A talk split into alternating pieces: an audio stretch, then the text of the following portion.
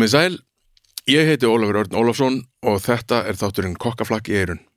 Þessi þáttur er í bóði Bríó frá Borg Brukkúsi. Þessi þáttur er líka í bóði Vinnstúkunar tíu sopa og svo er hann auðvitað framleitur af hljóðkirkjunni.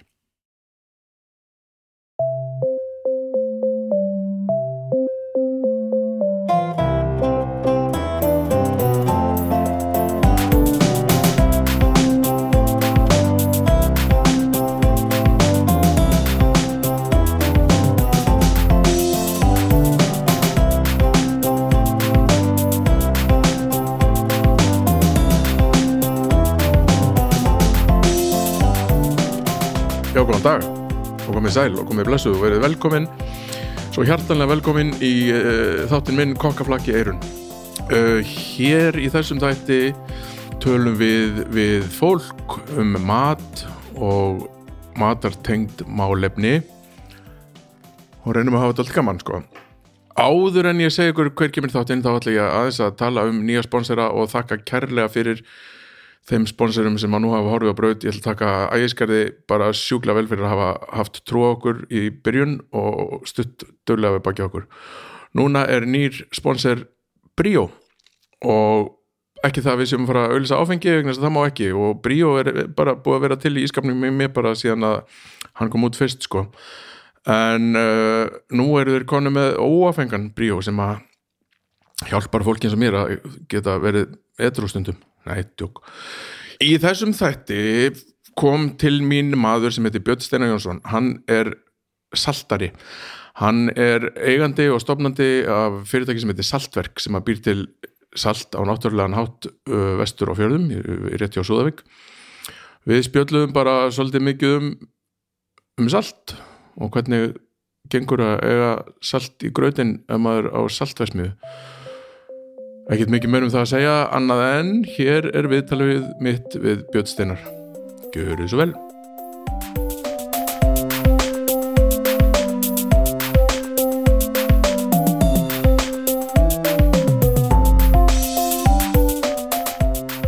Ég er bara búin að íta á upptöku sko. Yes. og ég ætla bara hérna, bjóða upp á bríó, maður bjóður upp á bríó. Já. Ég heldur það. Ég er nefnilega svo gladur sko, ég er, er endar mjög gladur með hérna, sponsorana sem ég er búin að vera með sko, hann er búin að vera hérna, ægiskarður, búin að hérna, tók haggið og hafði trúið því að kokkflakki er myndi verða eitthvað Já. og svo er ég núna nýjum sponsor í þessum þetti, fyrst þetti, það er Bríó sko mm. ég er svo ánað með þess að ég farin að gera hérna óafenga bjór sem er bara alvöru bjór Kekkja góður. Já, nefnilega Algjörlega, algjörlega. Að, þú veist, ekki það að mér finnst eitthvað leðilegt að drekka áfengi sko. Nei, nei. það er ekki, það er aldrei vandamál Nei, sko. mér har alltaf fundist það vond þangli smakað þennan. Bara Já, alltaf. sammála, mér finnst þetta svo, finnst svo frábært að maður geti bara drukkið bjór marga á þess að vera fullur sko. ekki það, mér finnst leðilegt að vera fullur svo það heldur því bara algjörlega það sko. Nefnilega. Heyrðu, velkomin, takk fyrir að koma Takk fyrir að bjóða mér. Gaman að koma. Hérna, sko ég veit ekki almennilega hvað er á að byrja sko, vegna þess að sko, við ætlum að tala um salt Já, heldur betur. og salt er eitthvað magnasta fyrirbæri heimsins held ég Það er það. Salt er, er hérna, það er, svona, það er, það er mjög áhugavert að vinna með salt vegna þess að þú getur ekki komist af án salts eh, þú einfallega bara lífir ekki af þú fær ekki eh, hérna, þú borður ekki salt. Jálfur, Já, það er bara svo leys eh, Hva, en, en svo er komið einhverju svona svona skólar með það sem að þú veist, já, hann mátt ekki bara mikið salta því þá er það Já, ég menna, og það er bara eins og, eins og með allt held ég, þú veist, allt, allt er gott í hófi og sjálfsögðu, það hefur í raun og verið verið hérna, fólk er uh, hefur alveg verið vandamál og þó ég sé að framlega salt, þá hef ég alveg stutt það að fólk sé ekki borðað mikið salt. Já. en það er, held ég, er held ég svona 80% salti sem fólk uh, neytir uh, hérna kemur í gegnum uh, unnin matvæli. Og þá, þú veist, aðalega fast food eða iðnaðarsalt.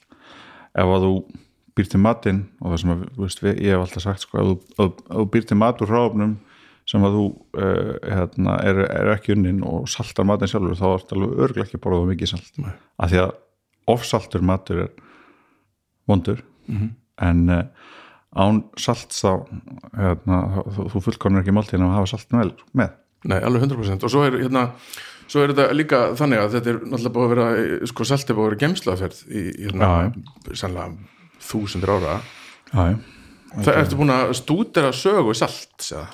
Já, uh, sko þegar fórum á stað þá hérna, þá kefti ég uh, bækur um salt, saltfarmlislu mm. það var einn uh, sem er með saltvest eða svona konceptbúður í, í New York og svo í Portland sem heitir Mark Bitterman hann hefði skrifað bækur um salt hérna og saltframleðslu á mismöndu stöðum í heiminum mm. og við hefum sambandi hann og spurðum fyrir og hann bendi á saltframleðslu sem hafi verið á Íslandi sem hann vissi að uh, hérna annars vegar fyrir einhverjum áratugum síðan á, hérna, á Suðunössu mm. þar sem henn voru að reyna að búa til salt úr, úr jarðsjó. Reyna að held ég að svipum slóðum og bláalónu þessist í, í rauninu þar. það sem hefur eh, þotnað upp einhver já, já, já, og eða það sem er sérst, sjór inn í raununum sem er þá blandaður við einhver önnur steinefni. Uh, en síðan líka saltframslu sem var á vestfjörðum fyrir eitthvað 250 árum síðan uh, hérna, sem að danski uh, danski konungurinn hérna, kom af stað á þeim tíma og það var þannig að hann sem sagt var að e, sáum hann með Veslun á Íslandi mm. og það verið að flytja út Þorsk Bakkalá, mm -hmm. Saltfisk. Mm -hmm. og seglskipin hjá danska konungum þau sildu sem sóttu salt, sildu svo upp til Íslands þess að salta Þorskin -hmm. og svo sildu þau með hann með til, fiskin tilbaka. eh, til, til eh, Ítalíu Portugal og Spanar og uh, en síðan hugsaður hann sko getur við ekki slefti að sigla nýrtur og sækja salti ja, fyrst og búið til salti á Íslandi. Og þannig var sagt, sett upp saltframlæsla á þeim stað sem við erum að framlega salt í, í Reykjanes í Ísverðdjúpi í kringu 1750 eða svo. Sko ég náttúrulega glimti alveg að segja hverðu væri og svona, ég er enda að gera því svona engangi það voru höður bara beint í þetta. sem er alveg gott sko. En sko hérna þetta er sem sagt Björn Steinar? Jónsson. Jónsson sem er gæstum einn dag og hann er hérna eigandi og fórstjóri uh, Saltverks. Saltari. Saltari það er hérna starfstillin er það? starfstillin okkar er þetta ekki með eitthvað svona CEO þú veist eitthvað svona við erum bara hérna við fórum eiginlega stað með það og, og þegar ég fór á stað þá svona þetta er 2011 þá það var ímislegt sem mér fannst áhugavert við eh, hérna það hvernig struktúr á uh, uh, hérna, fyrirtæki ætti að vera hvernig þú ættir að horfa á það og þú ferir í matalaframlýslu mm. uh, og hérna og eitt af þessu lögast að upphæðu þá var það allir sem að vinna hér eru bara saltarar mm. það er bara eitt starfstitil og hann gildur um alla allir sem vinna hjá okkur og nú eru við eitthvað 12-15 allir hafa farið og uppskorið salt Já. og Uh, og það er sem er svo, mér fannst svo og skemmtilegt er það að fara frá því að taka eitthvað bara sjó, þurkaran mm -hmm. þú ert með vöruna sem þú vinnur bara í höndunum mm -hmm.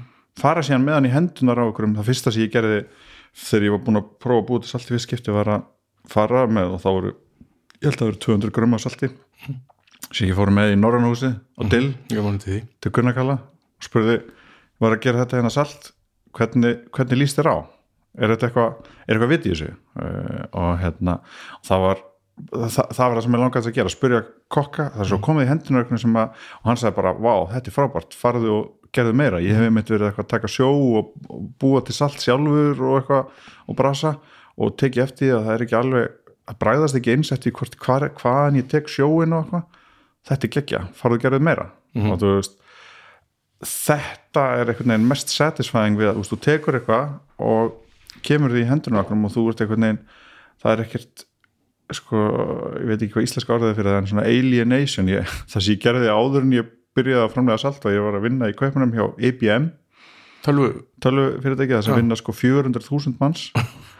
Fleiri er þetta íslenska þjóðin. Og það var alltaf þar í hátismenn það var alltaf sagt sko hérna við svona ungu krakkan sem vinna þess að þú veist I wonder what IBM does apart from reporting sko. þú veist, það var bara, þú veist bara að gera eitthvað þú veist, einhvern veginn bara eitthvað tann, þú skildir einhvern veginn ekkit samhengi hluta Nei, þú veist, nei, akkurat. Tilgangunum með þinni vinnu var ekki skýr. Bara engan veginn. Og þetta einhvern veginn bara þegar að, að taka salt vera bara með það í höndunum eitthvað ráveru og fara síðan með hana og hún var notuð eitthvað starf annar staðar. Það er, eitthvað svo, það er svo hands on, svo áþrifavegt ég ætla bara móka hólu og hún hefur tilgang og svo ég fyll upp í hann já, Það er bara það. En hver er, hver er þinn nú- þú segir að vera að vinna í Danmarku hjá tölvufyrirtæki. ég var, ég sem sagt fór uh, hérna eftir uh, eftir mentaskóla ég ólst upp í hlíðanum og, og hérna uh, og í MH og, og fer síðan eftir uh, mentaskóla flytt til Kaupanafnar uh, og fer í verkfræði og klára þær verkfræðinám. Ég þess var alltaf áhuga á mat. Er það, er það búið að vera bara það er svona, alltaf verið. Ég, veist eins og tónlistafólk er spurt, var mikið sungið á þínu heimili, var mikið eld á þínu heimili? Já, þannig en svo sko, uh, veist, jú, jú, alveg mikið elda á heimilinu og, og hérna, mikið lagt upp úr því og, og, hérna, og svo framvís en til dæmis bara, á, ég held að vera hérna, mamma mín segir á tröðuna sko, á 12 ára ammælinu mínu þá hérna, þá valdi ég í staði fyrir að halda veislu eitthvað, hérna, pizzapartí og vinna að mamma og pappi myndi bjóða mér út að borða á La Primavera það var það sem ég vildi ekki, Já, ok. 12 ára. Og Það er mjög advanced. og, og bara það var bara það sem ég langaði að gera. Og, og þú veist, það var svona ég, ma ég man ennþá að til dæmis setja þeirri máltíð það var svona fyrsta, einhvern veginn svona fína máltíð, mann lapir að vera upp á annara hæðinni Já, niður frá og hérna, alltaf verið besti staður ekki já. Einn af uppáðstöðum minnum í, í dag líka sko. Frábært þegar hann opnaði aftur eftir nokkur ára kvíl Bara geggja. Bara, uh, þetta er eitthvað svo heiðalegt, ennfalt og fallegt í þessu. bara, þú veist, ít uh, líka hann er svo trúr náttúrulega bara því sem hann er Já. þannig að veist, þessi áhugi fyrir mat hefur alltaf, alltaf verið þarna uh, og vann eitthvað á veitingastöðum eh, svona með skóla ekkit samt mikið en á einhvern stöðum Já, þjónaði kokka. aðeins inn í eldhúsi Já. til dæmis var í mentaskóla og með nokkur vinnum á, á Herifort eh, eitthvað sumar og eitthvað svona með skóla gerði það aðeins á einhverju stöðum í Kaupanöfn en byrjaði sér líka bara að fylgjast mikið. Í bjóði Nörribró alltaf þegar ég var í Kaupanöfn byrjaði bara svona einhvern veginn að fylgjast með. Það og svo margt að gera þarna 2005 til 2010 já, já, já, það er bara, þá er bara búblandi, sko. já, mamma bað mig eitthvað tíðan um að sko, hérna, hún var að koma í heimsókn og, og þá bað mig með að bóka borða á einhverjum mittsilenstað fyrir þau þegar ég kemur og hérna, svo var náttúrulega ég búin að gleyma því að bóka borða og þau komin og, og allt uppbóka allstaðar nema það var löst borðað einu stað og það var Nóma, Nei. það var einu stað sem var hægt að fara að borða. Þetta er 2005-06 Já, já, bara nýbyrjað, sko. þannig voru þeir nýbyrjar og þá var, ekki, þá var allir hinn klassísku veitingastæðanir eh, hérna, erfitt að fá að borða á nema að þú væri búin að í, með fyrirvar, einhver svona franski klassískir en þarna er þetta að gerast þú þarna var eh, þeir byrjað að servera skýr sem það voru að fá frá eh, eigilstöðum Ég fór að borða á Nóma í fyrsta skipti held ég 2005-06 og það breytti lífið minn ég bara, þetta er svona ég, sko, ég með sömu tilfinningu eins og maður heyrir oft hérna, hérna tónlistafólk tala um þetta er platan sem breytti lífið mínu mm. þetta, þetta í alvörinni það, ég bara var sko mindblown, búin að vera í þessu matarbransa allt mitt líf búin að smakka mat frá öllum heimsotnum eitthvað, svo koma þessi gæðar og búið til eitthvað mat úr mínu heimsotni mm. og það er svo mikið að bræði sem ég aldrei smakkað áður mm. og, og eitthvað neginn bara ég, ég sat hana með högn mér á hérna, bringu bara allan tíman sko. Akkurat. Og það var líka í kaupanar á þessum vorum sem að sko fangaði mig til dæmis og sem var svona, maður segja, inspiration fyrir því fyrir síðan að gera síðan þegar ég fyrir að stað með saltverkar til dæmis fyrirtæki eins og Coffee Collective sem að byrjaði á Jésbökaði þar var svo, svo, ja, hérna, Torfi eh, sem Jú, jú, að er núna með Reykjavík var þar og, og Klaus Thompson þeir voru að byrja þar í kjallara en þar voru að taka og veist, metnaður sem þeir höfðu fyrir því sem þeir voru að gera leggja metna í það að, að, að, að sorsa bestu kaffibönunar, borga bændunum meira, gera eitthvað þú veist.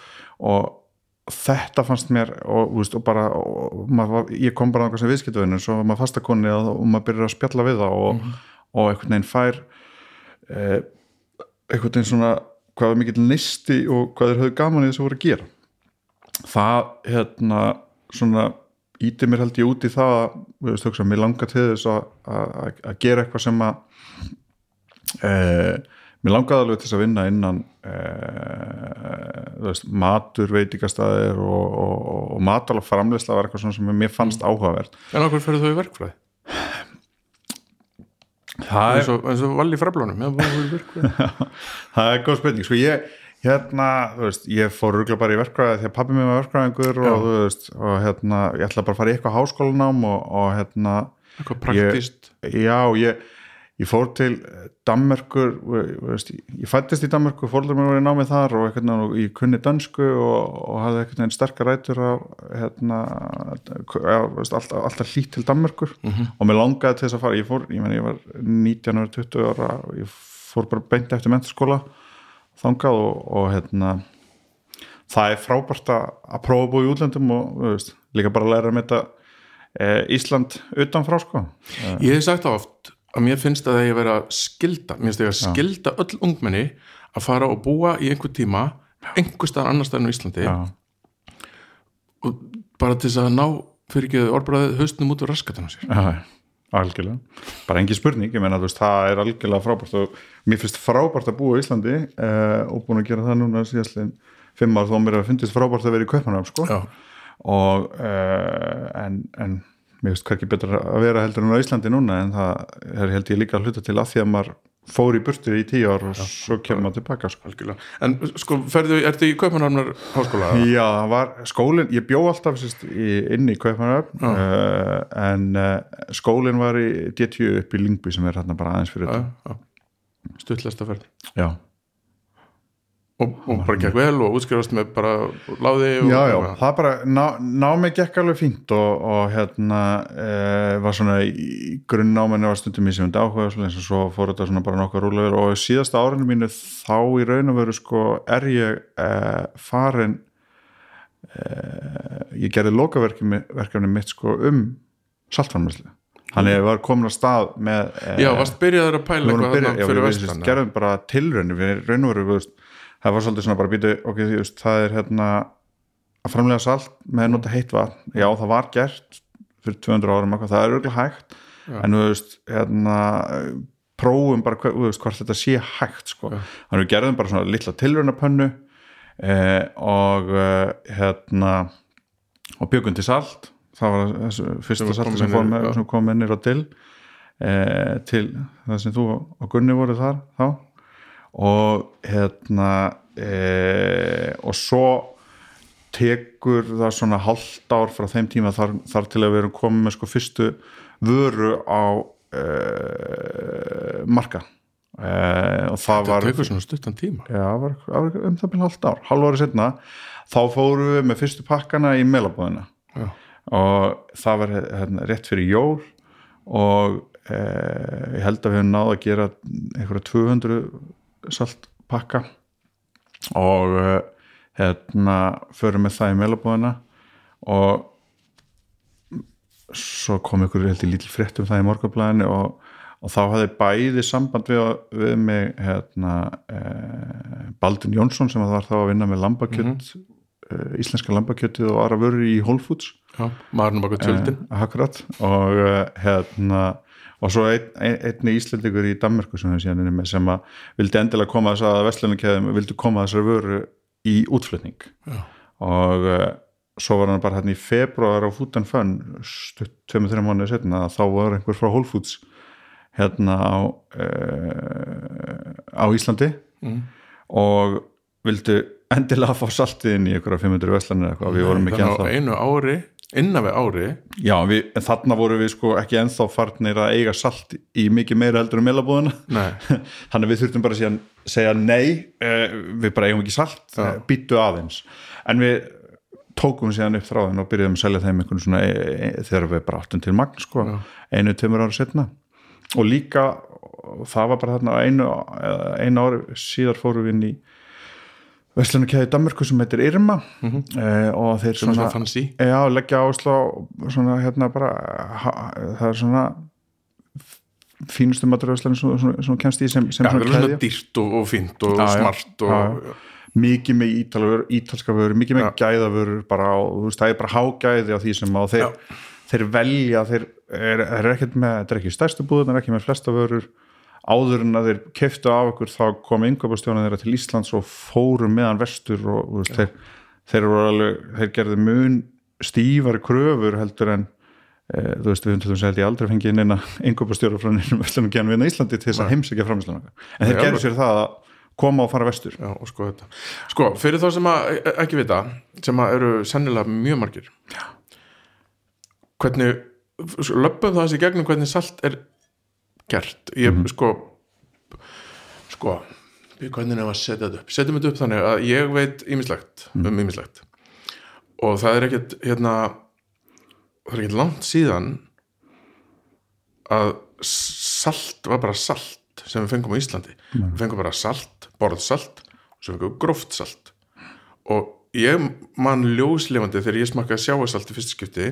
Þá var ég unglingur í ferðarlega í Danmörku með fóröldunum mínum og við fengum svona gróft sjáasalt ofan á tómat og hérna, osti með með tómat og sjáasalt og það bara holy shit hvað galdur er þetta? Og það, veist, það var fyrst ekki sem ég smakaði en það var samt ekki fyrir að svo var allt inn í vera með maldónsalt og svona. Nei. og síðan er til sko mismunandi bara þú hérna stoppa mig ef, ef þú þart það sem ég man eftir er sagt þá þetta borsalt sem ég veit ekki alveg hvernig er búið til og svo til sjáasalt svo er eitthvað salt sem er tekið úr námum einhvers staðar upp í himalægaföllum -hmm. og einhvers staðar í Ameríku líka. Já. og svo er þetta, já, sjáasalt flörtisell þetta dót sem er sólþurkað í Suður-Európu Já. á Gríklandi og viðar já, já, akkurat það er sko hérna í raun og veru allt salt kemur úr sjónum. Ok, það sem kemur úr námum uh, það eru þá bara gamli gömul sjólög sem að þarna já bara upp þóttnaði sjór. uppþotnaði sjór. Miljón ára gammal miljón ára gammal uh, og það er uh, hérna heimalega salt og, og svo framvegis kannski helst sem, þú þekki, sem með þekkja. Áhugavert við salt er líka sko fyrir svona 100 árum síðan þá, og, og, og þar til fyrir svona um það byrja 100 árum síðan þá var salt uh, mjög verðmætt og var raun og veru bara eins og gull. Það er bara gjaldmiðl já, bara eins og allt kryddin skilur, það er ástæðan fyrir að fólk fór að fara að leggja undir sig Afriku já, Já. og en, en sko á, í, í tilfell varðandi salt þá er þessi svoleiðis að það er við leitað ólíu einhvern tímann í kringum árið í 1900 snemma eh, á, á, eh, kannski 1920-30 held ég. Það sem að menn er að leita ólíu og bóra sér niður á salt eh, námur. Það er að segja bara þá gömul sjólög þotnu ofan í jörðinni. Þannig að veist, þarna höfðu menn fundið salt eins og í himalæða eitthvað sem það er bara er eins og einhver, einhver fjöll sko, og en, en, en, en þarna bóra með sér niður og komast að því það er bara miljónir tonna af salti þarna. Það frá þeim tíma lækkar í raun og veru sko heimsmarkasverð á salti og það verður bara svona commodity sem að engin og ég held að þú veist þannig að frá 1920-30 fram til ásins 2000 þá verður salt bara ódýrar og ódýrar sjálfsæður hlutur og þú veltir ekki fyrir þér hvaðan það kemur, hvernig það er unnið eða neitt slíkt. Nei, ekki, allavega ekki almenningur. Nei, bara, veist, þe- þetta er það sem gerist frá því að fyrir þennan tíma þá var, það þurfti allir salt en það var bara ekki til endalust af því heiminu þannig að ef þú áttir salt þá varstu efnaður hérna, eða hafður yfirráð yfir salt. Og þannig með bók hérna Mark Bittmann sem við skrifa bækunum um kót sem að komur mikið inn á Ísland. Hann skrifaði líka bók um salt. Ok. og þar kemur hann inn á þessa sögu svona salt í sögulegu samingi uh, en það má segja að sagt, þarna eftir uh, þarna svona meiri hlutan af uh, hérna 20. stöldina þá einhvern veginn er hérna salt verður bara það er náttúrulega líka notað í alls konar yðnað og annað og, og fólk veltir ekki fyrir sig hvaðan salt kemur og hvernig henni það sem er unnið í svona náum þar er einu búið að taka núna í dag það er bara efna yðnaður það er 99,99% natriumklórið síðan til þess að það uh, kekkist ekki þá eru jafnvel sett kekkjunar efni eða caking agents í það sem er eitthvað sem að eh, hérna, ef við fáum það inn í okkar líkamann þá erum við ekki, líkamann mannslíkamann ekkert rosalega fljótur að losa sig við það. Ok, sjávarsalt síðan eh, hvernig svo sem það er unnið ef það er unnið það sem það skilkast sem sjávarsalt ef það er unnið úr sjó þá inni heldur það þau, þá inni heldur það að langmestu leiti natriumklórið eða salt en síðan líka þau steinefni sem eru í sjónum. Já, ok. Sem að geta verið allt frá það sem er til dæmis með svona einna mestu af steinefnum í er, er flörtið selv franska salti. Já. það er með ofta upp, upp og yfir 10% af ymsum mismöndi steinefnum. Uh, það er náttúrulega framleitt eins og það er framleitt, það er framleitt á svona tjörnum og uh, Og handunni og það er bara- þetta er það hérna, var selt á já.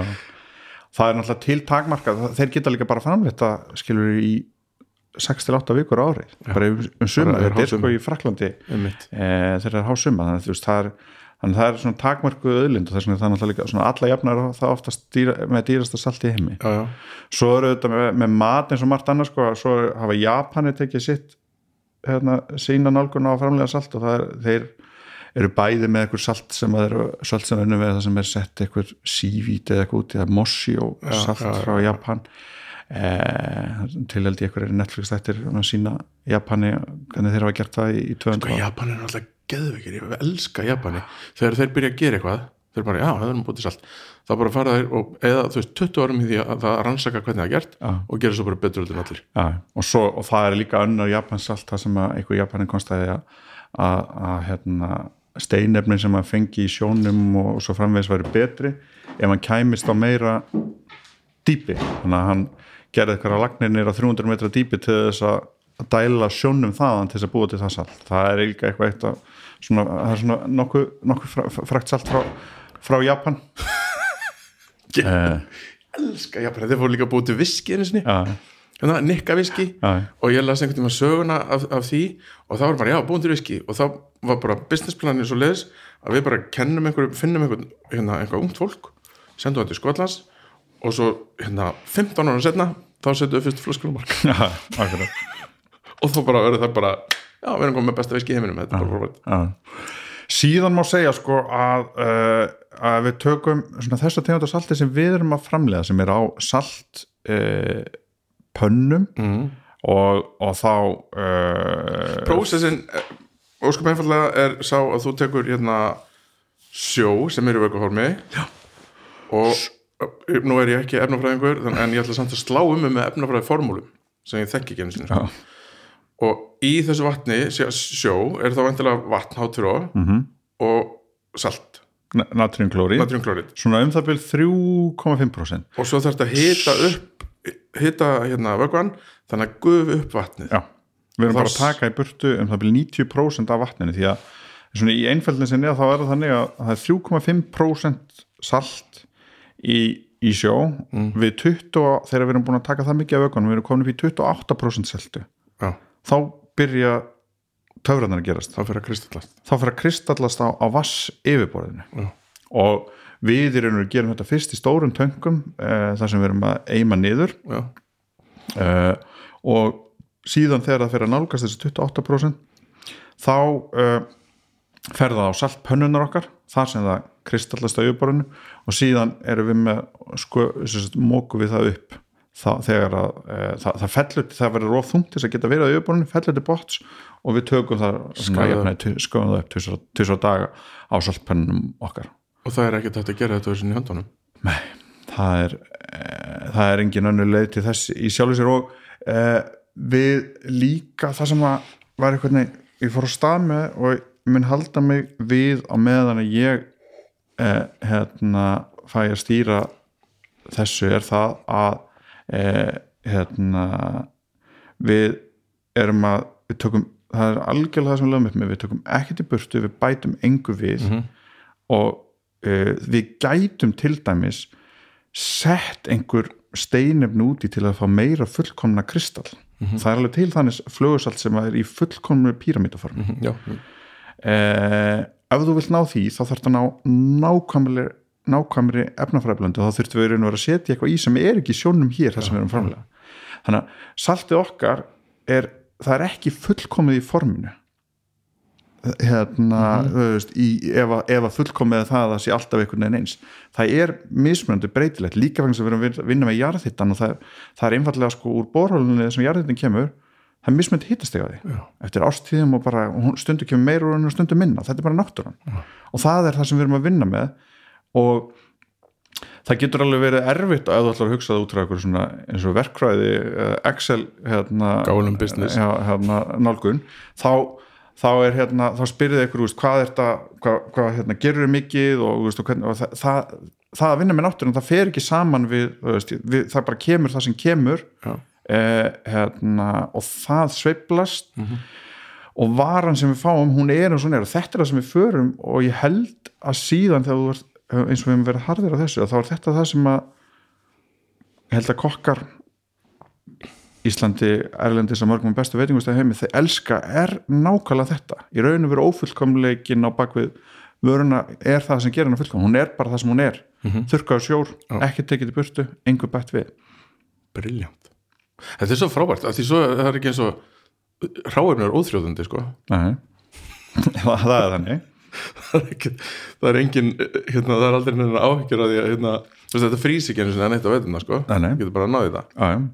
það er algjörlega þannig og, ég meina, en, en, hérna, og, og í einfaldli sinni og þú hugsa um þetta þá er þetta rosalega einfaldi prósess en síðan þetta búið að vera náttúrulega að, að, að hérna, fá þetta til þess að ganga upp að, sem bara eins og kannski með allt annað þá er það, við erum búin að reyka okkur á ég veit ekki, allt það mögulega sem hægt er að reyka sig á í, í framlýslinni og þú veist, fyrstu pönnurnar hérna, sem við vorum með þar þú veist, hérna þú veist að vinna með við erum reyðfrýtt stál og svo heitt vatn og sjó og þetta, þú veist, allt sem já, reyðgar, allt sem getur klikkað mögulega í þessu einfalda framhaldferði það, það hefur klikkað sko. Já.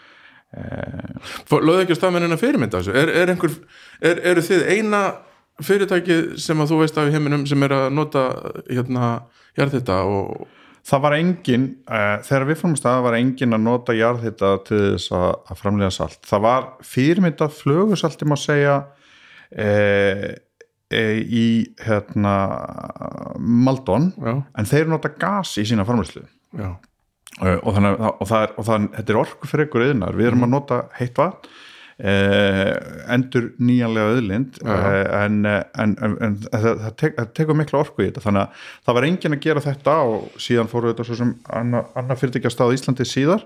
Uh, en, en og það er engin, það er til mér ekki. Þó að þessi jarðhitt í öðrum löndum út í heimi uh, þá hef ég allan ekki og ég held að ég fylgist við svona við fylgjast alveg nokkuð vel með í, í þessum heimi og Þekkir við erum í, já þekkjum til og erum í samskiptu við hérna svona, maður er reynd að búið til smá svona community, til dæmis í samskiptu við eitt sem eina koni í Nóri sem fór að stað einhverjum árum eftir okkur er að og í, hef, eins í, í bandaríkjunu líka já. og þar eru menn að reyna í Nóri og bandaríkjunum menn að reyna að gera þetta með sjálfbærum hætti en það er rosalega mikla áskorun því að í þessum löndum hafa þeir ekki gert þetta sko. Nei, og sjálfbærnin kemur úr jarðhitanum Já. eða eins og þarna í, í söður Európu og vantilega sennilega einhverstar í eh, veit ekki samt en allavega í söður og Afríku, Surarbú og Afríku, já, sólinn sko. Þar er sólinn og þar er þetta gert með sjálfbærum hætti líka. Já. þar er það gert bara með, með, með sólarþurkun uh, og, uh, og ég meina saltið í dag sem er notað til dæmis í, í, í, í saltfisk að það kemur frá Túnis uh, já, og, sem er flust hinga sem fluttinga og í heilum skipsförmum og við getum ekki hérna, þú veist, ég held að það, já, ég man ekki hvað það kostar. Það kostar 150 krónur á tonnið eða eitthvað svona alveg. Fárunlega lítið. Fáralega lítið sko. En það er ekki vond, ég nefnilega sko var einhvern tíma með eitthvað pop-up veitingast á húsæk og fekk, þú veist, 2 kíló því ég ætla að vera með saltbakkan fisk og eitthvað að prófa þetta já, 2 kíló, ég fekk sannlega 10 kíló og bara, já, blessa þetta, þetta er bara ekkert mál. Það er ekkert vond, bara fínasta afverð,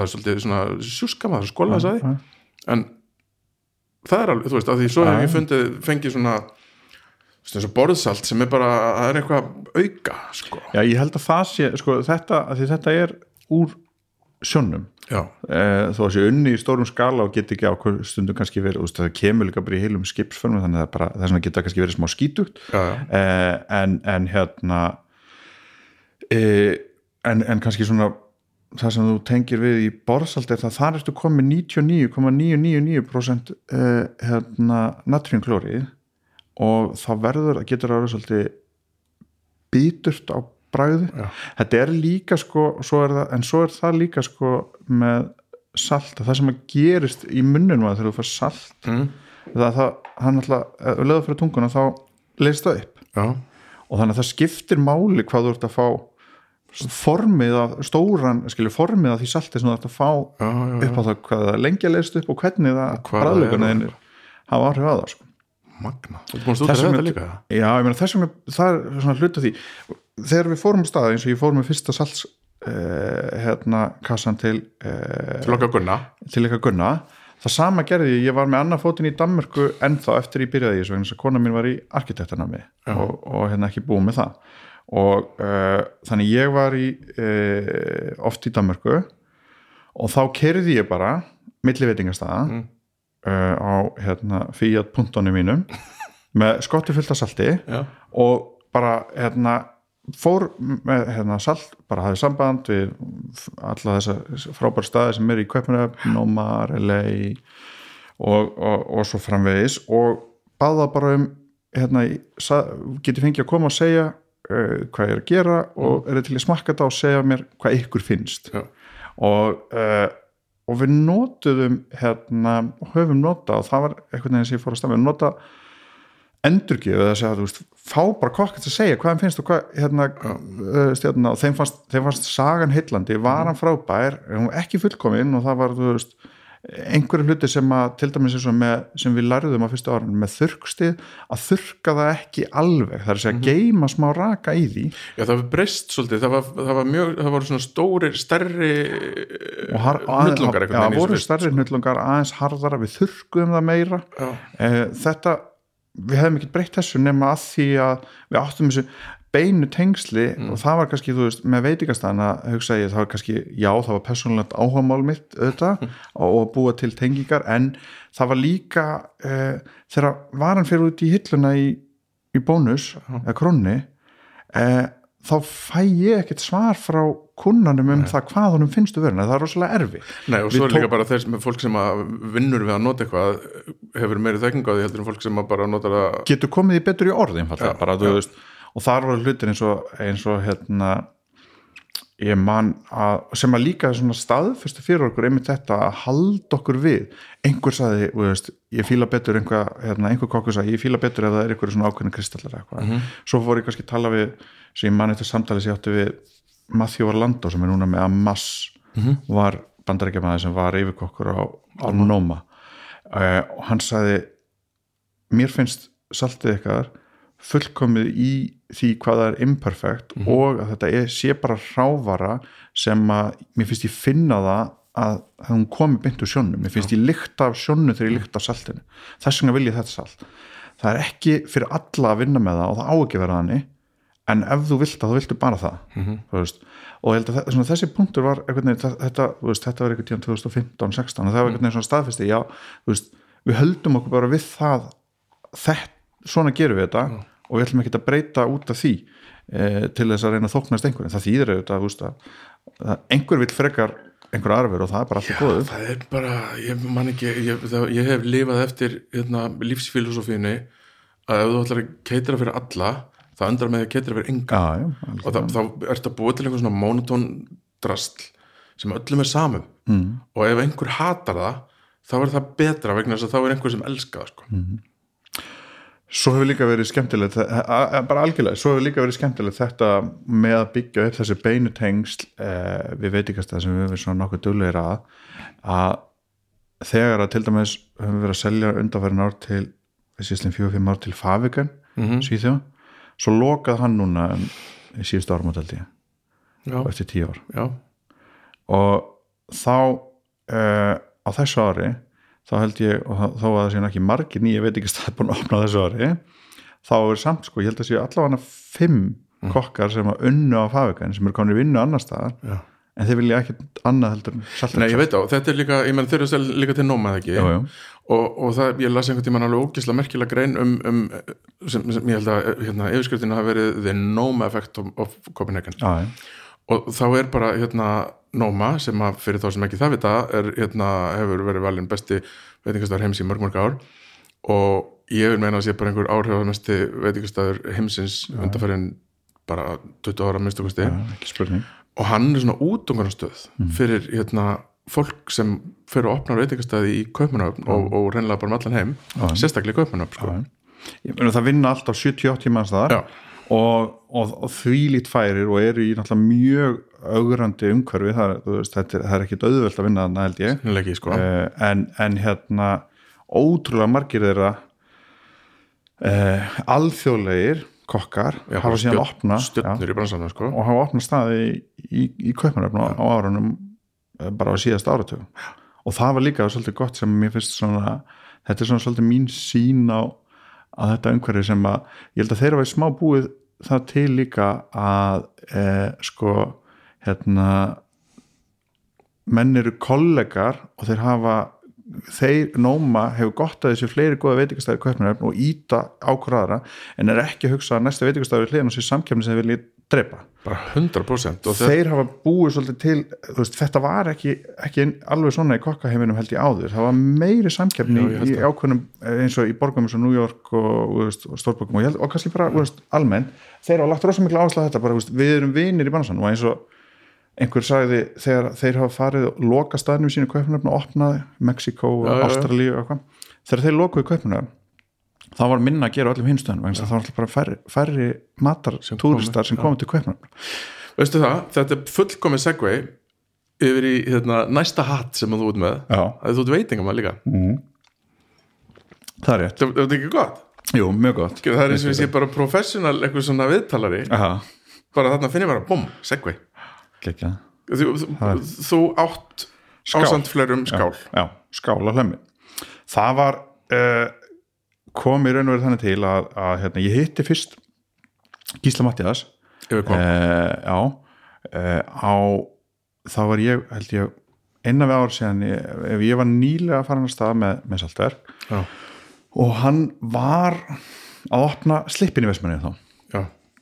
Og við hittumst á heimssýningu Slow Food samtakana í, í e, Torino, Ítalíu held í 2012 ok, hérna Salone til Gusto, Gusto heitir það já, við gunnum fórum okkur 2010 það var mjög gaman. Já, og hérna reynda við vorum um þetta að rifjaðu upp við hérna, Gísli, ég var saltverka með bástana og Gísli var svona elda og gera eitthvað pop-up og eitthvað. Og básu hliðin okkur frá hérna, frá Skotlandi var nýstofna bjórfyrirtæki sem he- heitir Brewdog já, ok.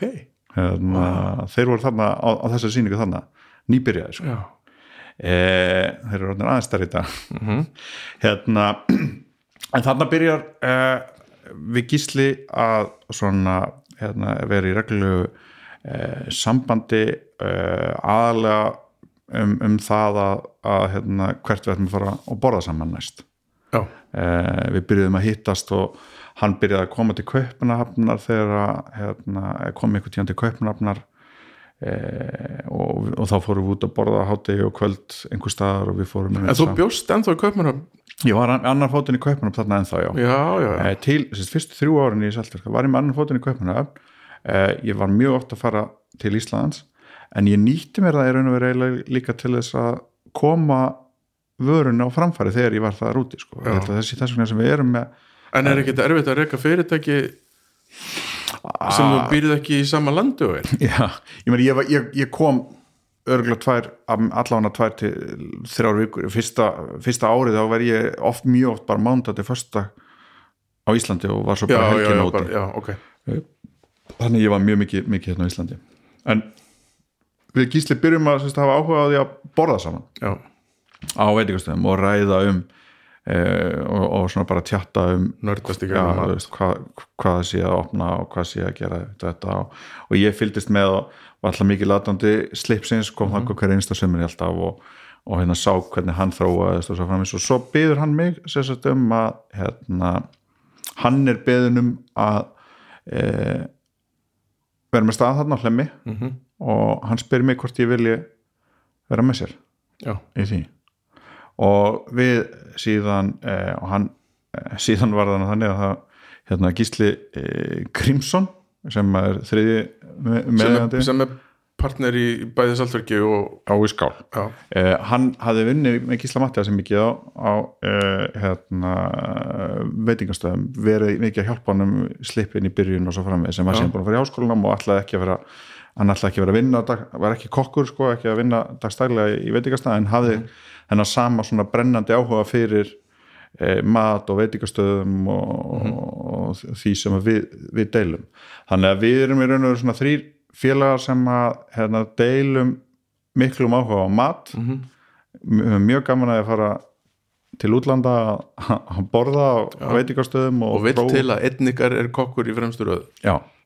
Og eh, hérna og það var reynur þegar við á, ég var til í þetta og þá eh, þá með að, fara með í þetta verkefni á, á hlemmi, maður þetta líka séð þarna var, veist, það var engin matur búin að opna í Reykjavík og maður hafði þetta séð hvað það var skemmtilegt í kaupanum fyrst Torfihallinni en síðan Copenhagen Street Food sem var á papíraun sem var alveg frábært konsept og eh, hérna og þannig að við förum þannig á stað e, með, með skál bara svona út frá, út frá þessu að langa til þess að koma með eitthvað skemmtilegt e, inn í inn í flóruna á, á, á Íslandi og eitthvað, eitthvað nýtt. Mhm. og opnum líklega ef hausti 2017, þá opnaði skál opnaði lemur, á menninganótt reyndar skemmtilega já, þá þá opnaði skál ekki þarna á menninganótt nú, nú, við, hérna, það var búið að frestast opnun held ég eitthvað sex eða nýjum mánu og vildi svo til að síðan akkurat daginn þegar hlemmur átt að opna þá eh, var ég búinn að eh, hérna, bóka mig og strákarnir líka. Ég var að fara að gifta mig í, á slipnum í Vestmannu já, þú hefur ekki opnað veitingastað þann dag sko. þannig að hérna, við vorum bara með partí á slipnum í Vestmannu á menninganótt og opnuðum svo held ég viku eða tveimur setna já. Það var, var fjör. Og hvernig fílar eru veitingabransan? Mér finnst það uh, gefandi, skemmtilegur. Auðvitað áskoranir, uh, það var búið að vera mjög gaman uh, hérna ég meina, sko, sko skál hefur fengið endalust af klappa bakið og rósi bæði í erlendri pressu og íslenskri og svo hérna fyrsti til þess að fá Michelin Bibgur mann og og, og, og bara hérna verið líka svona bara við, veist, verið samt bara svona skemmtilegur og, og, og hérna e, og casual staðir gaman að koma og sitja í, í eðlilegu umhverfi eins og Já, var bara, veist, hérna fyrir það ástand sem við erum í núna og, og hérna og verður aftur e, einn daginn, þetta er þetta líka þetta er líka skemmtilegt hús það tengja allir reykingar í Íslandinga við, við hlem á veitni annan hátt, það hefur verið þetta sínar áskorunir og svæðið og svona, en, en húsi sjálft arkitektis er, er flottur. Ekki ekki sko, ég tók þátt í já, hérna búið til- þetta koncept sko. Já, einmitt. Ég er hendur ekki fengið borga fyrir það halló hérna. en, en þú veist var svolítið innvalur í upphafið af þessu allir saman sko. Við, svona, þú veist, Gísli náttúrulega er, er frábær eh, kreatífur eh, kokkur og hefur komið með og, og kemur náttúrulega með nýjar svona, hérna, hann, hann er óþrjótandi þegar kemur hugmyndum um mat og hvað sé, hvernig sé þetta nýta mat betur og þetta er gert margt á þeim svið og eitthvað sem við einhverju leiti gert á, Ná, líka, og, líka í svona umhverju svo skál þá þarf þetta að vera með mat sem getur búið til Já, skilur, þú ert ekki að fara að býða 20 myndir nei, svo var það líka annað sem við vildum bæta við í, í, í menninguna þarna 2017 þá, e, þá var bara eitt staðar á Íslanda sem skast fengi náttúruvín og það var eiginlega á dill sko Mhm. annars sem að þú veist ég var reynur á þeim tíma þá voru bara útlendingar að, að, hérna, að borða þar e, og þannig að við vildum líka svona breyka uh, hérna, stekka það á Íslandi sem hefur heldur, þú veist, hérna, uh, gerst mikið í líka undanfærdum árum Já. Hversu Hansson áðurum fyrir mér náttúruvinnið mm. Já, heyrðu, áðurum fyrir mér náttúruvinnið þá ætlum ég að klippa núna Já. til að fá hérna smá um sponsorinn okkar vegna þess að án þess án sponsora Mm. geti ég gert það heldur betur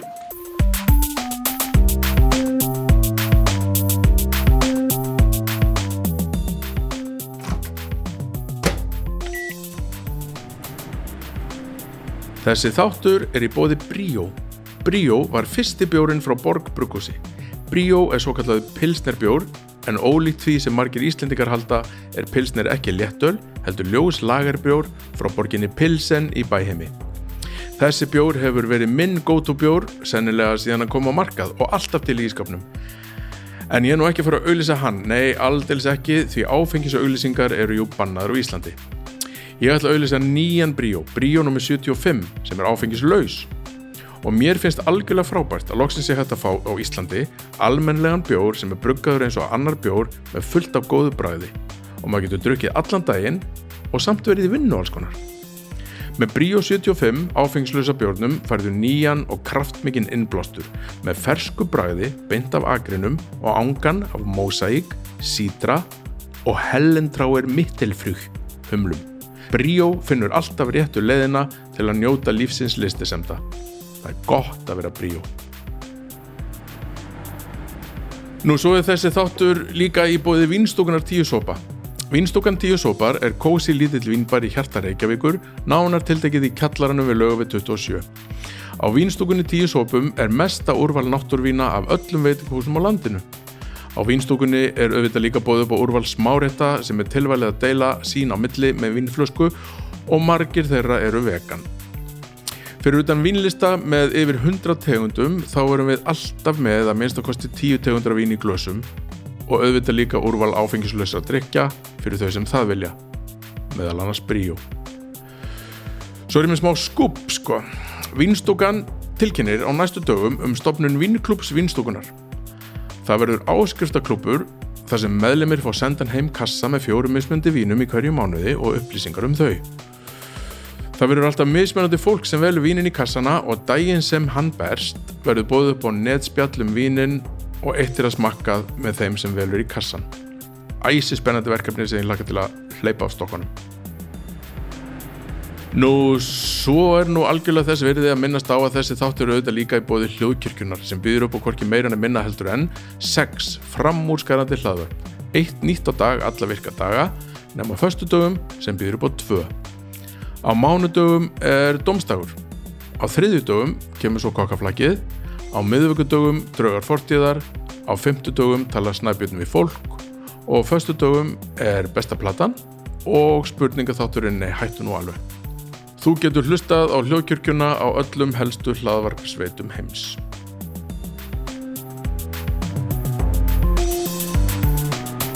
Já, uh, sko, við vorum, um, við vorum að tala um skál, við vorum að tala um náttúruvín og við vorum að tala um hérna bara alls konar. Hversu hands-on ertu í, í rekstri veitingastæðis? Ég meina, hversu, þú veist, þú varst eitthvað kokkasaður í Danmarku og eitthvað skeralaug og, veist eitthvað? Það, ég held að, sé, að, að segja það svona, sko. Tekur það hérna, vaktir, eða?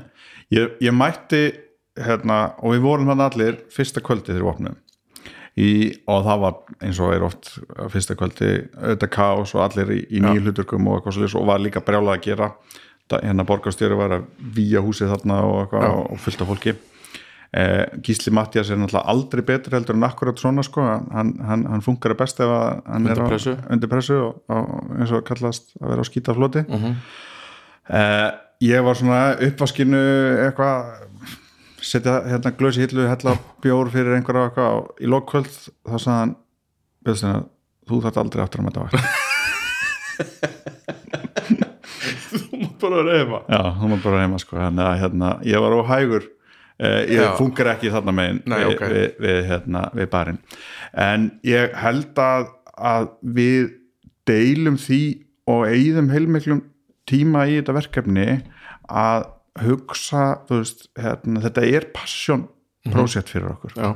okkur er andum þetta eh, og okkur er andum það að þarna sé gaman að vera og sé gaman begja vegna borsins mm -hmm. og við eigðum tíma í, í, í þetta við sátum til þessi gerðkvöldi og vorum svona að fara yfir svona hérna hvað verður gaman árið 2022 Jöfnvel verður gaman árið 2022 Ertu það? Já, ég er þar Nei Já, veist, þá, Ef 2021 verður gott, þá er það geggjað en 2022 verður 100% Þetta er eitthvað geggjað. mest morbid sem ég heirt alveg lengi sko.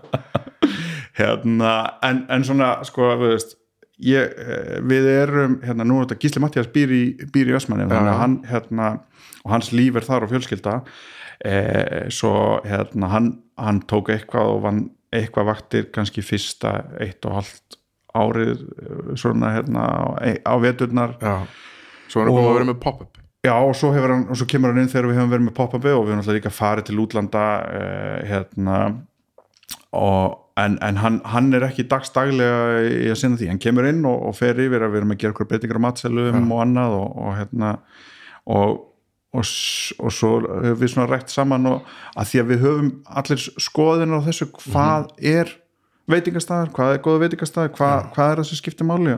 Við höfum, ég hef mikla skoðanar á því að því að það er áhuga málum mitt að sitja á veitingastæðum hvað er það sem býr til úst, af hverju viltu fara á, Já. á veitingastæðum það er fyrir mér að því að þú vilt fara eitthvað staðar það sem að það er eitthvað gott eitthvað góð stemning, gott ambíans að þú, þú vilt fara á þanga hérna, að því að þú lappar það glaður út sko. Já, ég hefur 100% sammála þessu og, og sko, að því við erum ekki bara að selja mat. Nei. og það er það sem að, þú veist, bara eins og núna í þessu COVID-rugli, það er allir að segja, að hann er ekki hérna, það er nú allir konum með take-away og það er nú, hérna skilar einhverju, það skila bara ekki Nei, nei, nógu miklu, jú, nei, nei. bara don't get me wrong, ég er mjög þakklátur að fólk skuli unnvörpum vera að kaupa hérna take-away frá veitingastöðun til þess að njóta heima hjá sér og bara mm. vinsalegast haldið því áfram. En það sem við erum að selja er stemming. Já, ég á erfitt með það sko eh, eins og með takeaway. Sko, mér finnst ekki allur matur henda í takeaway. Og mér finnst bara til dæmis persónulega sko. það sem við höfum verið að gera ekki á skál, ekki henda í takeaway. Það er bara mín persónulega skoðan og þó ég prófa, take-away matur þarf að ferðast vel. Já. Og við, veist, við hönnum ekki staðin út frá því við lögum veist, fyrir uh, þetta COVID ástand þá var það þá gerðum við svona eiginlega í því að íta því frá okkur, jú, jú, við, við syndum alveg teika við einhver vildi en það var ekki skilur, hérna, við vildum helst bara vera lausi við það. Já, ég einhvern vildum tíma svona reyndar sem ég þurfti elda sjálfur sem var næs. Já, já, við prófum það þannig vor uh, og, og hérna uh, í, í, í fyrstu bylgjunni. Og vorum þá hérna að keira út ég, hérna, þá var ég hensvan ég var hérna pizzabílstjóri í nokkra vikur. Keira út hérna uh, mataskamta Já, e, hérna, ég fekk leiði til þess frá Gísla. Þarf ekki að vera snöggum með það? Þetta er, þetta er ekki sinni heitt sko. nákvæmlega. Já, nei það, ég, þetta er nefnilega máli sko og ég bara mér finnst, þú veist, bara mér finnst frábært að fólk skuli, þetta er bara einhver sjálfsbjörni viðleitni, fólk bara þarf að fá teikurinn í sitt fyrirtæki -hmm. og fólk langar til að gera sér dagamun heima hjá sér sem maður getur ekki farið út. Þannig að, þú einhvern veginn talar þetta saman að þetta er samt ekki það sama, þó þau setja að fá sama matinn, fyrsta lagi þarf hann að ferðast og það er ekki endilega góð hugmynd. Og í öðru lagi þarf hann nærði aldrei sömu stemmingu heima í eldhúsi með, þú veist bara með kannski bönniðin grænjandi eða hérna, þú veist, mannst að þú ert eftir að hérna, skúra eða skilur eitthvað. Og eins og í tilvægi skál, við lögðum upp með það staðurinn er hannaður út frá því og við höfðum skýra hugmynd um það hvernig við vildum hafa staðin og staðin hannaður út frá því að, að það veri, sagt að við alla það sem var unni annars, þá vera gaman beggja vegna og við viljum helst sinna þeim sem sitja á barstólunum við barinn ekki þægilegustu stólar í heimi en að þú fær góð mat, gott vín, góð stemningu og eitthvað svona bara þú ert örlítið ekki einu svo miklu návi sko. Já, og í þessu návi sem að það er að sem að Já. staðurinn er fyrir okkur sko. og frábært þegar að, þegar að sitja 25 manns ringin Já. og alveg sama hvar þú situr þá ertu, það er svo mikið people watching. Þú veist, þú ert að horfa á það sem er að gerast í eld og þú ert að horfa á það sem sitja og eiga sér samtala þar hinum megin við og svo framvegist það, ég meina svo ertu ímyndst að spjalla við kokkin eða eftir hvað sittur, Já, þú veist, já. eða þann sem er í uppaskinu eða þú veist eitthvað, allir eru það, það er það sem að, þetta er einn af upp á stöðun mínum bænum, bara svo þessi sagt sko. Og það er einmitt bæði, þú veist, maturinn frábær bara tökum það út fyrir sig, en það er þessi það er þessi stemming sko. Það er það að maður sestu barinn og það er einhver sem er að gera eitthvað og hann er alltaf til í að spjalla við sko. þannig að það skiptir ekki máli hvort ert með fólki að kemur einn sko, sem er svo briljant sko. þetta, mér laka til þegar þetta verður hægt ekki segja 22 mann það er, ó hvað finnst þetta rétt sko. það er gott að laka til framtíðanar erum við ekki að fara að fá bólefni núna bara í áramótina Ég vona það, ég hugsa ég, hérna, og veist, eins og hjá okkur hefur, það var svo sem fínt í sumar en það hefur kannski líka verið eins og þó að það var opið en í þeirra, þú veist, bara þeirra tvekkjametra regla já, þá er, þá er þetta návi er, er bara sko. bannað. Og, og hérna og þá er rosalega uh, hérna veist, þá, þá er rosalega erfitt að búa til þá upplifin sem að þú vilt að fólk sé að koma fyrir skilur, veist, hérna, þannig að mér hlakka mikið til þegar, þegar það verður hægt aftur og vonandi verður það sem hérna, verður, þetta verður í mars. Það verður gaman þá. Djúðl verður gaman þá. Já, Sko, þú myndist aðeins á, á vín, náttúruvín og ég, hérna, viljandi skauta yfir það vegna þess að ég ætla aftur að þykist vera svona professional, hérna fjölmjölamæður já, Sko, já, þú, uh, skál er eingöngu með náttúruvín. Já. Hvað er það sem dreifið þið þangað? Ha, það byrjar í raun og veru þannig að þetta var kannski hluta þessu alveg sem ég sagði með hérna, e, þegar ég bjóði í Kaupmannöfn og bjóði í Nörubró og þar var á, á Jésbökaði sem var rétt og sem er svona minn þar að labba þar að segja þetta er uppáhalds gata mín hérna kom út úr kirkjugarunum og hérna. Held í sig sammálunum Jésbökaði e, þar er Coffee Collective, þar er Manfreds og Relay og ég man eftir og Manfreds er staður sem að hérna er nú einmitt að fara að loka núna árum en einn uppáhalds veitikastæð minn Loka allra tíma. permanentlega? Já, Nei, þeir eru bara að loka. Okkur hann ákvaða þessari hann ætlaði að skrifa að Manfred svo reyli þeir eru að loka báðir. Hvað er þetta að segja? uh, í, þetta kom sem ákvörðin hjá hann núna í, í, í, í COVID. Ég held að hann vilji bara gera það meðan hann ræður við hérna uh, veist, ég, hann skrifaði bara að hérna allt, allt hefur sinn tíma og sína sögu það er búin að vera í 10, 11, 12 ára og, Þetta er hræðilega fréttir vegna þetta er eitthvað hérna, upp á staðurum minni í Köpunöfn er Manfreds og vín já, já, akkurat. Og þarna sá staður var eh, 2010-2011 þar var eh, hérna eh, meðal annars að vinna eh, sem að síðan opnaði vinnbúð sem við vorum mjög duglega að fara að heimsækja eh, góðu vinnur minn Solfinn. Eh, og færingur sem búin að búa í köpunum með búin að reyna síðan 20 ára og verið að vinna í, í, í, í veitingabransana þar. Var á Manfreds og þar voru þeir inngöngu með náttúruvín og þetta var svona að byrja að vera svolítið í, í kaupunöfn og fleiri og fleiri Já. stöðum. Var auðvitað að nóma frá held ég upphafinn finnir þau lífið topnáki, hann kom að vera með pop-up hjá okkur inn í fyrra. Já, algjörlega. Mál er hann og Raggi eru eins. Já, þeir eru alveg eins. Það finnir sko. Hérna, Solvin er alltaf gaman að þeir eru að vera byrta á myndir á hann á Íslandi. Já, og hérna þannig að þegar sagt hérna þegar við erum að opna skál þá segi ég bara hérna einfallega eh, hei hérna Solfinu ég er, að opna veitingastað á Íslandi og mér langar til þess að að vera með, hérna, mér langar bara til þess að sé meira úrvala á náttúruvínum og mér langar til þess að við séum með hérna þau á, á, á skál og við byrjum í raun og veru bara að flytja vín sem solfinu með í köpuna mm. hérna uh, bara fyrir skál Mm.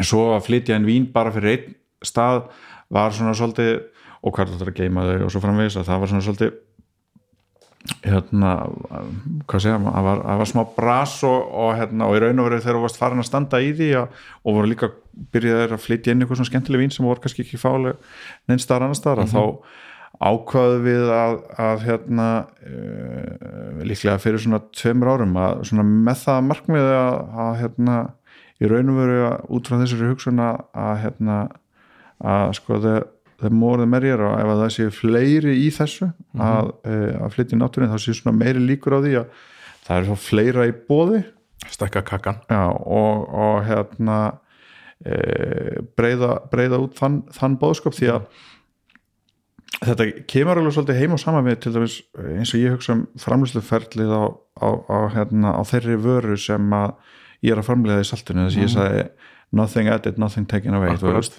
það er bara nákvæmlega það sem að fílosofið er þeirra sem eru að framlega náttúruvinnir Allt handgert. allt handgert og, uh, og þeir nota til dæmis þeir, þeir nota nákvæmlega þessi orðsumir hérna. ég er bara að taka berinn, mhm, ég bæti einhver við ég tek ekki til burtu akkurat what you get bara is what you see sko. og skilja þetta framleysluferli að þú veist vín kemur úr náttúrunni. Vínberinn, úr náttúrunni. Og, og hérna og ef það er gert þannig mhm, að eh, hérna þá erum við að það, það, það er bara, þetta er svona filosófía sem ég tengi við í, í, í framlýstuferli mhm, og, og hérna það er raun og það sem að svona dregur mig inn í, inn í það og að, að sinna því. Það er svona bara áhug fyrir, fyrir þessu og að geta og ég reynur, ég var búin að vera að drekka og kaupa þessi, alltaf að drekka þessi vín í, í kaupnum og ég vildi bara einfallega geta haft áfram aðgengi að þeim á Íslandi, það sem ég var vanur að drekka þar. Þetta er ástæðan fyrir að við opnum vinstokuna sko. Já, Það var okkur ragga vantaði bar sem við gjóðum drukki á. Við hugsaðum að það geti lenda Við erum eiginlega alltaf að vinna. Þetta er ekki alveg klára. En, já, en þannig að þú ert bara svo leiðis að ef að þér hérna, finnst eitthvað vantað þá bara gerur það. Já það má ég raun og veru raun og veru að segja það, veist, það var, Aldrei hika, það skilur Nei, þú veist, hérna ef ég hérna ef ég, veist, hérna ef ég með eitthvað hugmynd og þá þá er, er ofta ekki langt frá því að ég, ræðina hann bara að kýla á hana. Mm -hmm. og, og veist, við bara til dæmis þegar við tókum ákvörðunum að flytja frá uh, Danmörku til Ísland sem, sem var kannski alltaf veist, á, við ætlum alltaf að gera eitthvað tíðan í framtíðinu þannig sé.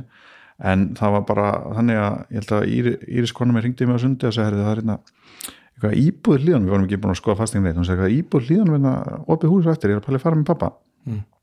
og var að gera það. Og svo tölum við saman síman og kvöldin og ég ætla að, að gera tilbúð og við ákveða að flytja það var, veist, það var bara mjög einfalt samtal og tók korter sko. Já, veist, og, og bara einhvern veginn fylgi bara innsæðin ef að þú veist, hérna, e, ef að það er eitthvað sem manni finnst vera rétt að þá, þú veist, hérna, ég hugsa oft mjög mikið um, um hluti og get alveg verið lengi að melda á hluti en svo ef að, þú veist, hérna, ef eins að segja mér þá kýl ég bara á það, sko. Það lítur vel út Hefur gert margt sem mistekist Mistekist, hefur gert margt sem hefur mistekist sko, hérna ég er þrjóskur mm. þannig að, þú veist, ég meina við erum búin að það er búin að vera endalust að mistökum hjá okkur í, í hérna í uppbyggingu uh, saltverks Mhm. en uh, hérna ég held áfram Mhm. og Lærir af þeim. já, læra af þeim og bara held áfram og, og hérna, ég er ekki, trættu að gera mistök sko. Uh, og ég meina við höfum, það er líka þú veist, hérna, það er fullt af mistöku sem við höfum gert þegar við prófa að hitta þetta á, á skál og bara óhrættur að, prófa hlutina. En svo alltaf að fara í gegn og horfa gaggrinni á. Hvað, hérna, þú veist af hverju er í þessu, hvað er hérna, þú veist hvað já, hvað er passjónið við þetta? Mikilvægt að hugsa um það einmitt eins og núna. Hérna, þú veist, þegar maður er sem veitingamæður er það þetta mjög krefjandi tímar akkurat núna Já. og þá er- finnst mér mjög mikilvægt að hugsa sko, þú veist, hvað hérna, hafa ykkur að sína þú veist, hvað er það sem að þú veist, hérna, hvernig ætla ég að hafa gaman af þessu þegar að við erum komin yfir þetta ástand sem að þú veist, hérna, er, er, er þannig að, að við eigum ekki að vera að gera þá hluti sem að félst í því að vera veitingastöðin sko. Það er auðvitað með þess að móðin sko. já, já, það er það sko. Og ég meina, ef að ég hef sagt það eins og margótt þessu, sko, ef ég ef það var ekki, ef maður, maður ser ekki ljós enda gangana um að þú veist, það væri eitthvað skemmtilegt sem byði mm. þá er fyrir mér, það var ekkert að því að það er ekkert að því að skella í lá sko og segja, þú veist, að því allt hefur upphafa endi sko í tilfelli skálvinum, það er bara þrjú ár síðan við byrjum og þannig að okkur finnst ekki að okkur finnst við og eins og vorum sátum í gæru að ræða, okkur finnst við eiga hluti sem að e, okkar langar til að gera óunnið, Mhm. okkur langar til að gera einhverja meira hluti, komast lengra með staðin, gera eitthvað sem að þú veist, það, þannig að við séum stoltir á hann sko. Eru þið búin að fá einhverju svona hérna, að það er svo algengt þegar fólk er með svona litla staði mm. Þetta er ekki að stekka, þetta er ekki að opna fleiri og eitthvað svona, eru búin að fá einhverju að lesa. Okkur eru bóðið ímislegt og ég hef skoðað hérna, hinn og, og, og þessi rými. En eh, ég hérna ég hef sko reynt að, hérna, þó ég sé nú í, í nokkrum verkunum, það er svona reynt að hafa það, þú veist, hérna passa sig, það er, það er mannlegt í öllum að græðgið mannlegu mm. eiginlega sem allir svona hérna, veist, þannig að maður passa sig, finnst mér að veist, ekki að stekka bara til þess að stekka eða þú veist, fara í eitthvað nýtt bara til veist, hvað, ég hef enga ég, ég verð ekki að, að eiga eitthvað fleiri veitingastæð eitthvað, ég er ekki útlöka að það muni einhvern tíðan í framtíðinni gerast, en, en ég heldur ekkert vandamáli við að, við, að, við að segja nei og ég hérna við, við, við því sko við höfum við verið bara mjög sáttir með og sjá, ég mér finnst ennþá langmest spen- meira spennandi að gera ennþá meira við skál í pródúsi og reyna að drífa áfram veist, íslenska matarramslu og þú veist hérna, sama með gísla sem er kreatífur og veist, hérna mér finnst ennþá, það finnst mér vera miklu meira spennandi, spennandi heldur en hugmyndin um að opna eitthvað nýtt bara þess að opna eitthvað nýtt skilja Já. Það eru góða frétti sko vegna að mér finnst svo of algengt ekki bara hér heldur Mm. bara viða í heiminum að þú ert með lit, litla einingu sem virkar mm. sérstaklega síðustu sem 20, 30, 40 ári eitthvað þá þarfst að vera með aðra einingu Mm. og þá fer allt í klassu sko. já, já. en veist, það, það er nefnilega bara veist, fegur því að, að vera með eitthvað eins, veist, svona litla einingu og, og hérna og, og hafa þá konstrent að einbytta sér bara henni, Já. settu orkuna hérna þanga og, og reynda að gera hana því besta sem þú getur Mhm.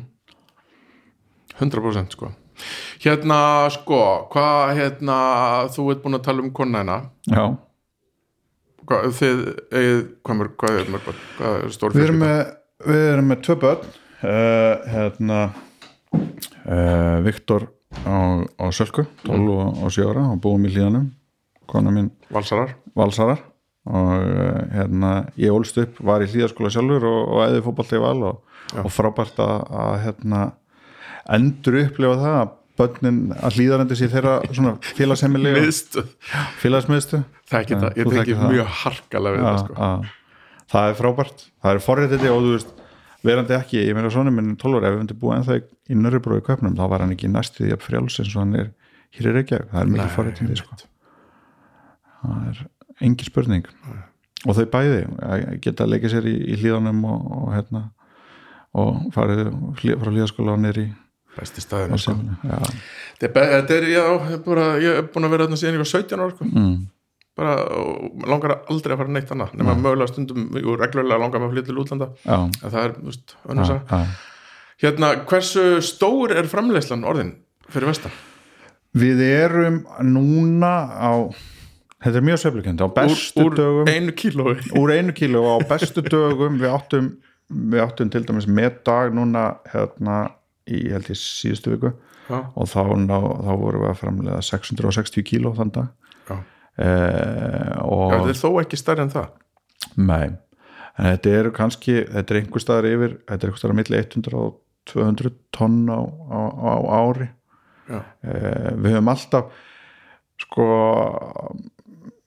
við höfum alltaf selt allt það sem við höfum geta framleitt. Já. ég hef ítt í frá mér að eh, þarna stækka bara til þess að stækka. Við höfum byggt þetta upp skref fyrir skref ekki tekið nánast engin eh, lán uh, í, í uh, hérna og náttúrulega bara upphalið að vera þannig að þú gast ekkit þú veist hugmyndin var svo klikkuð að það er ekki neinum bankamanni dóttið í huga að lána peninga fyrir að framlega salt á, á vestfjörðum er það ekki?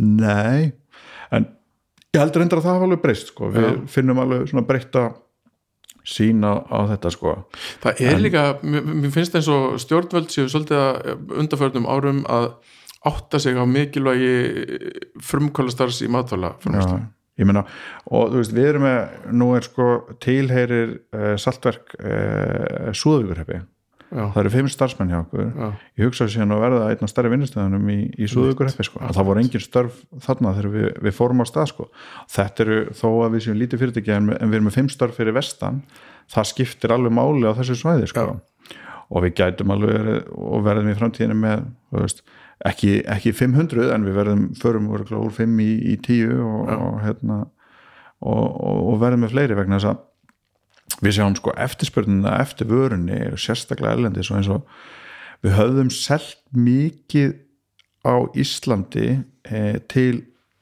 túrista. Ekki eitthvað sem ég lagði upp með þegar ég fór að stað með að framlega salt. Já, svona matar hérna, minnegripi já, já, þú veist, það var ekki það var ekki í, í haustum á mér var að, að koma svo vöru inn á veitingastæði og í veslanir Já. og í í og matala framlöslu eins og við höfum alveg gert mikið bakarar og, Mhm. og hérna og einhverju sem er að gera eitthvað kjöt og gera eitthvað með svona hérna á, á háu e, í svona hesta geðaflokki en, en síðan kom þetta einhvern veginn til hliðar bara mikil, mikil eftirspurn og eru það að taka móti fólki í, í, í vinsluna við fáum ég hef sér fyrra sem er hefur fengið millir 3 og 4 þúsund gesti. Við erum, við erum aldrei auglista að við tökum mútið gestum, við erum náttúrulega mjög afskiptum stað á, á vestfjörðum. Eh, og við hefum ekki ennþá byggt í raun og verið einhverja gestamóttöku eða, veist, eða eitthvað slíkt. En við gerðum þar breytingur það var eiginlega svona eitt af mínum uh, veist, það voru nokkur hluti sem ég var alveg algjörlega með skýrt í huganum mm. þegar fór stað. Og það var hérna saltari, allir eru saltarar. Það var eitt sem var algjörlega bara frá degi eitt, annað var matalafræðislega fyrir mér á að vera, hún á að vera sjálfbær Mm. og eins, eins og hægt er taka til til náttúrunar og hún á að hérna, vera þannig að það er við höfum ekkert að fela. Mhm. við breyttum þar sem að saltpönnunar eru þar var svona bílskúrshurð á húsi sem var þarna við settum glugga inn í hana. Já, bara stóran glugga sem var svona, það var svolítið svona symbolum, þú veist, hér er, hefur ekkert að fela. Veist, hver sem er má kíkja inn, kiftinu gluggan kýttunum gluggan svona, veist, bara gerum við salt og, veist, hérna, og, og þannig höfum við alltaf bara tekið að móti fólki. Mm. að því ég bara sagt það við erum ekki að vísa fólki frá skilur Nei. eins og að það með ekki vera hérna því það, sem að er alveg komaðan áranum eftir einhver heimildamindir og eitthvað, þú veist, um hérna kjúklingavarmast í bandarækjunum og eitthvað, sem að, Já, já. sem að veist, það sem að er bara svona, þú veist, það er bara gattavýr og, og þú, þú mátt ekki koma í kilómetris sko, fjarlæð, sko. já, sem bara mjög eðlilegt ef þú ert að einhver svona glæpastar sem Já, einmitt. en hérna þannig að, að við hérna lögðum algjörlega upp með þetta frá, frá upphafi að vera transparent þú veist, hérna, með, með það að hver sem mætti koma og, og sjá hvernig við framleiðum líka náttúrulega sko að þú ert komin þangað þá ertu búin að þurfa að leggja lykkja á leiðinu sko, þá ertu ekki leiðat fram hjá nei, nei, nei, nei, það er alveg hárið og, e, og við hérna þetta hefur e, svo kemur þessi svona hérna, túrista sal á Íslandi og varð ok- okkur mjög mikilvæg. Hún hefur þetta stoppaði núna á, á þessu ári. Já, já, en við höfum samt alltaf sint útflutningi, sint veitingastöðum sem stoppaði svo sem líka þarna í, í vor sko en fór síðan eftir að stað tiltölulega fljótt uh, sint í að selja við erum að selja í bandaríkjunum og svo í, í Danmörku það er svona þessi tveir markaði sem við erum að sinna. Mm. og það er alltaf me meira og meira og, og það er raun og veru mikil aukning og ég held að næstu vegi upp það sem að hefur farið þessu árið aukningin að fólk ég held að í þessu ástandi sem er núna að fólk leggur, við sjáum eins og vefsíðan okkar, fólk leggur einhvern veginn svona það vill eigða peningunum í eitthvað gæða og eitthvað sem að að það, veist, eð, það, það sem, gildin sem er á bakvið að sé eitthvað sem það samsami við og fólk er einhvern veginn að leggja meira áherslu á þetta. Við sjáum algjöra sprengingu í bandarækjunum er það? held, já, þessu ári. Og ég held að þessi tengist veist, ég, ég hef enga aðra skýringu á því heldur en það hljóta að vera eitthvað veist, það var búið að vera eitthvað svona momentum og einhver vöxtur en, en algjör sprenging á þessu ári hjá okkur. Ég held líka að það sé bara verða sem betur fer. Er að það er búið að taka langan tíma. Ég var í þessu slow food uh, dæmið þarna fyrir dálítið mörgum mánu síðan sko. Og, og það er búið að verða eitthvað svona vakning sem er hæg en, en er um að láta ekki onni sig eitthvað drast sko. að það sem þú ert að borða sé almennlega unnið og sé ekki hérna, þrælar sem eru búið til. Já, ég held að það sé það, það, ég held að sé alveg algjörlega hérna, hittir naglan höfum þar að þetta sé það sem að er. Og þetta er kannski eitthvað svona einn af þeim jákvæðir hlutum að fólk svona gefur sér tíma til þess ennþá meira að hugsa um þetta og, Já. og svona hérna, hefur haft tíma og andrými til þess á þessu ári? Í, djúvilligt og jákvæður, ég er ekki að gefast upp á því ég er venjulega er ég mjög jákvæður, bara svona upplæg. Já, það er bara, það er bara ég. En ég er alveg að missa sko. já, en það bara er gott að hitta þá menn eins og þig. Saltjarðar sem að hérna, er bara, sjá, bara þetta ver- verður allt í lagi. Já, ég held að það sé það þýðir ekki að hugsa öðru sem finnst mér sko. Nei, það er mitt Þetta ég komið okkur að það held ég bara, Takk fyrir að koma. Takk fyrir. Bjóðum mér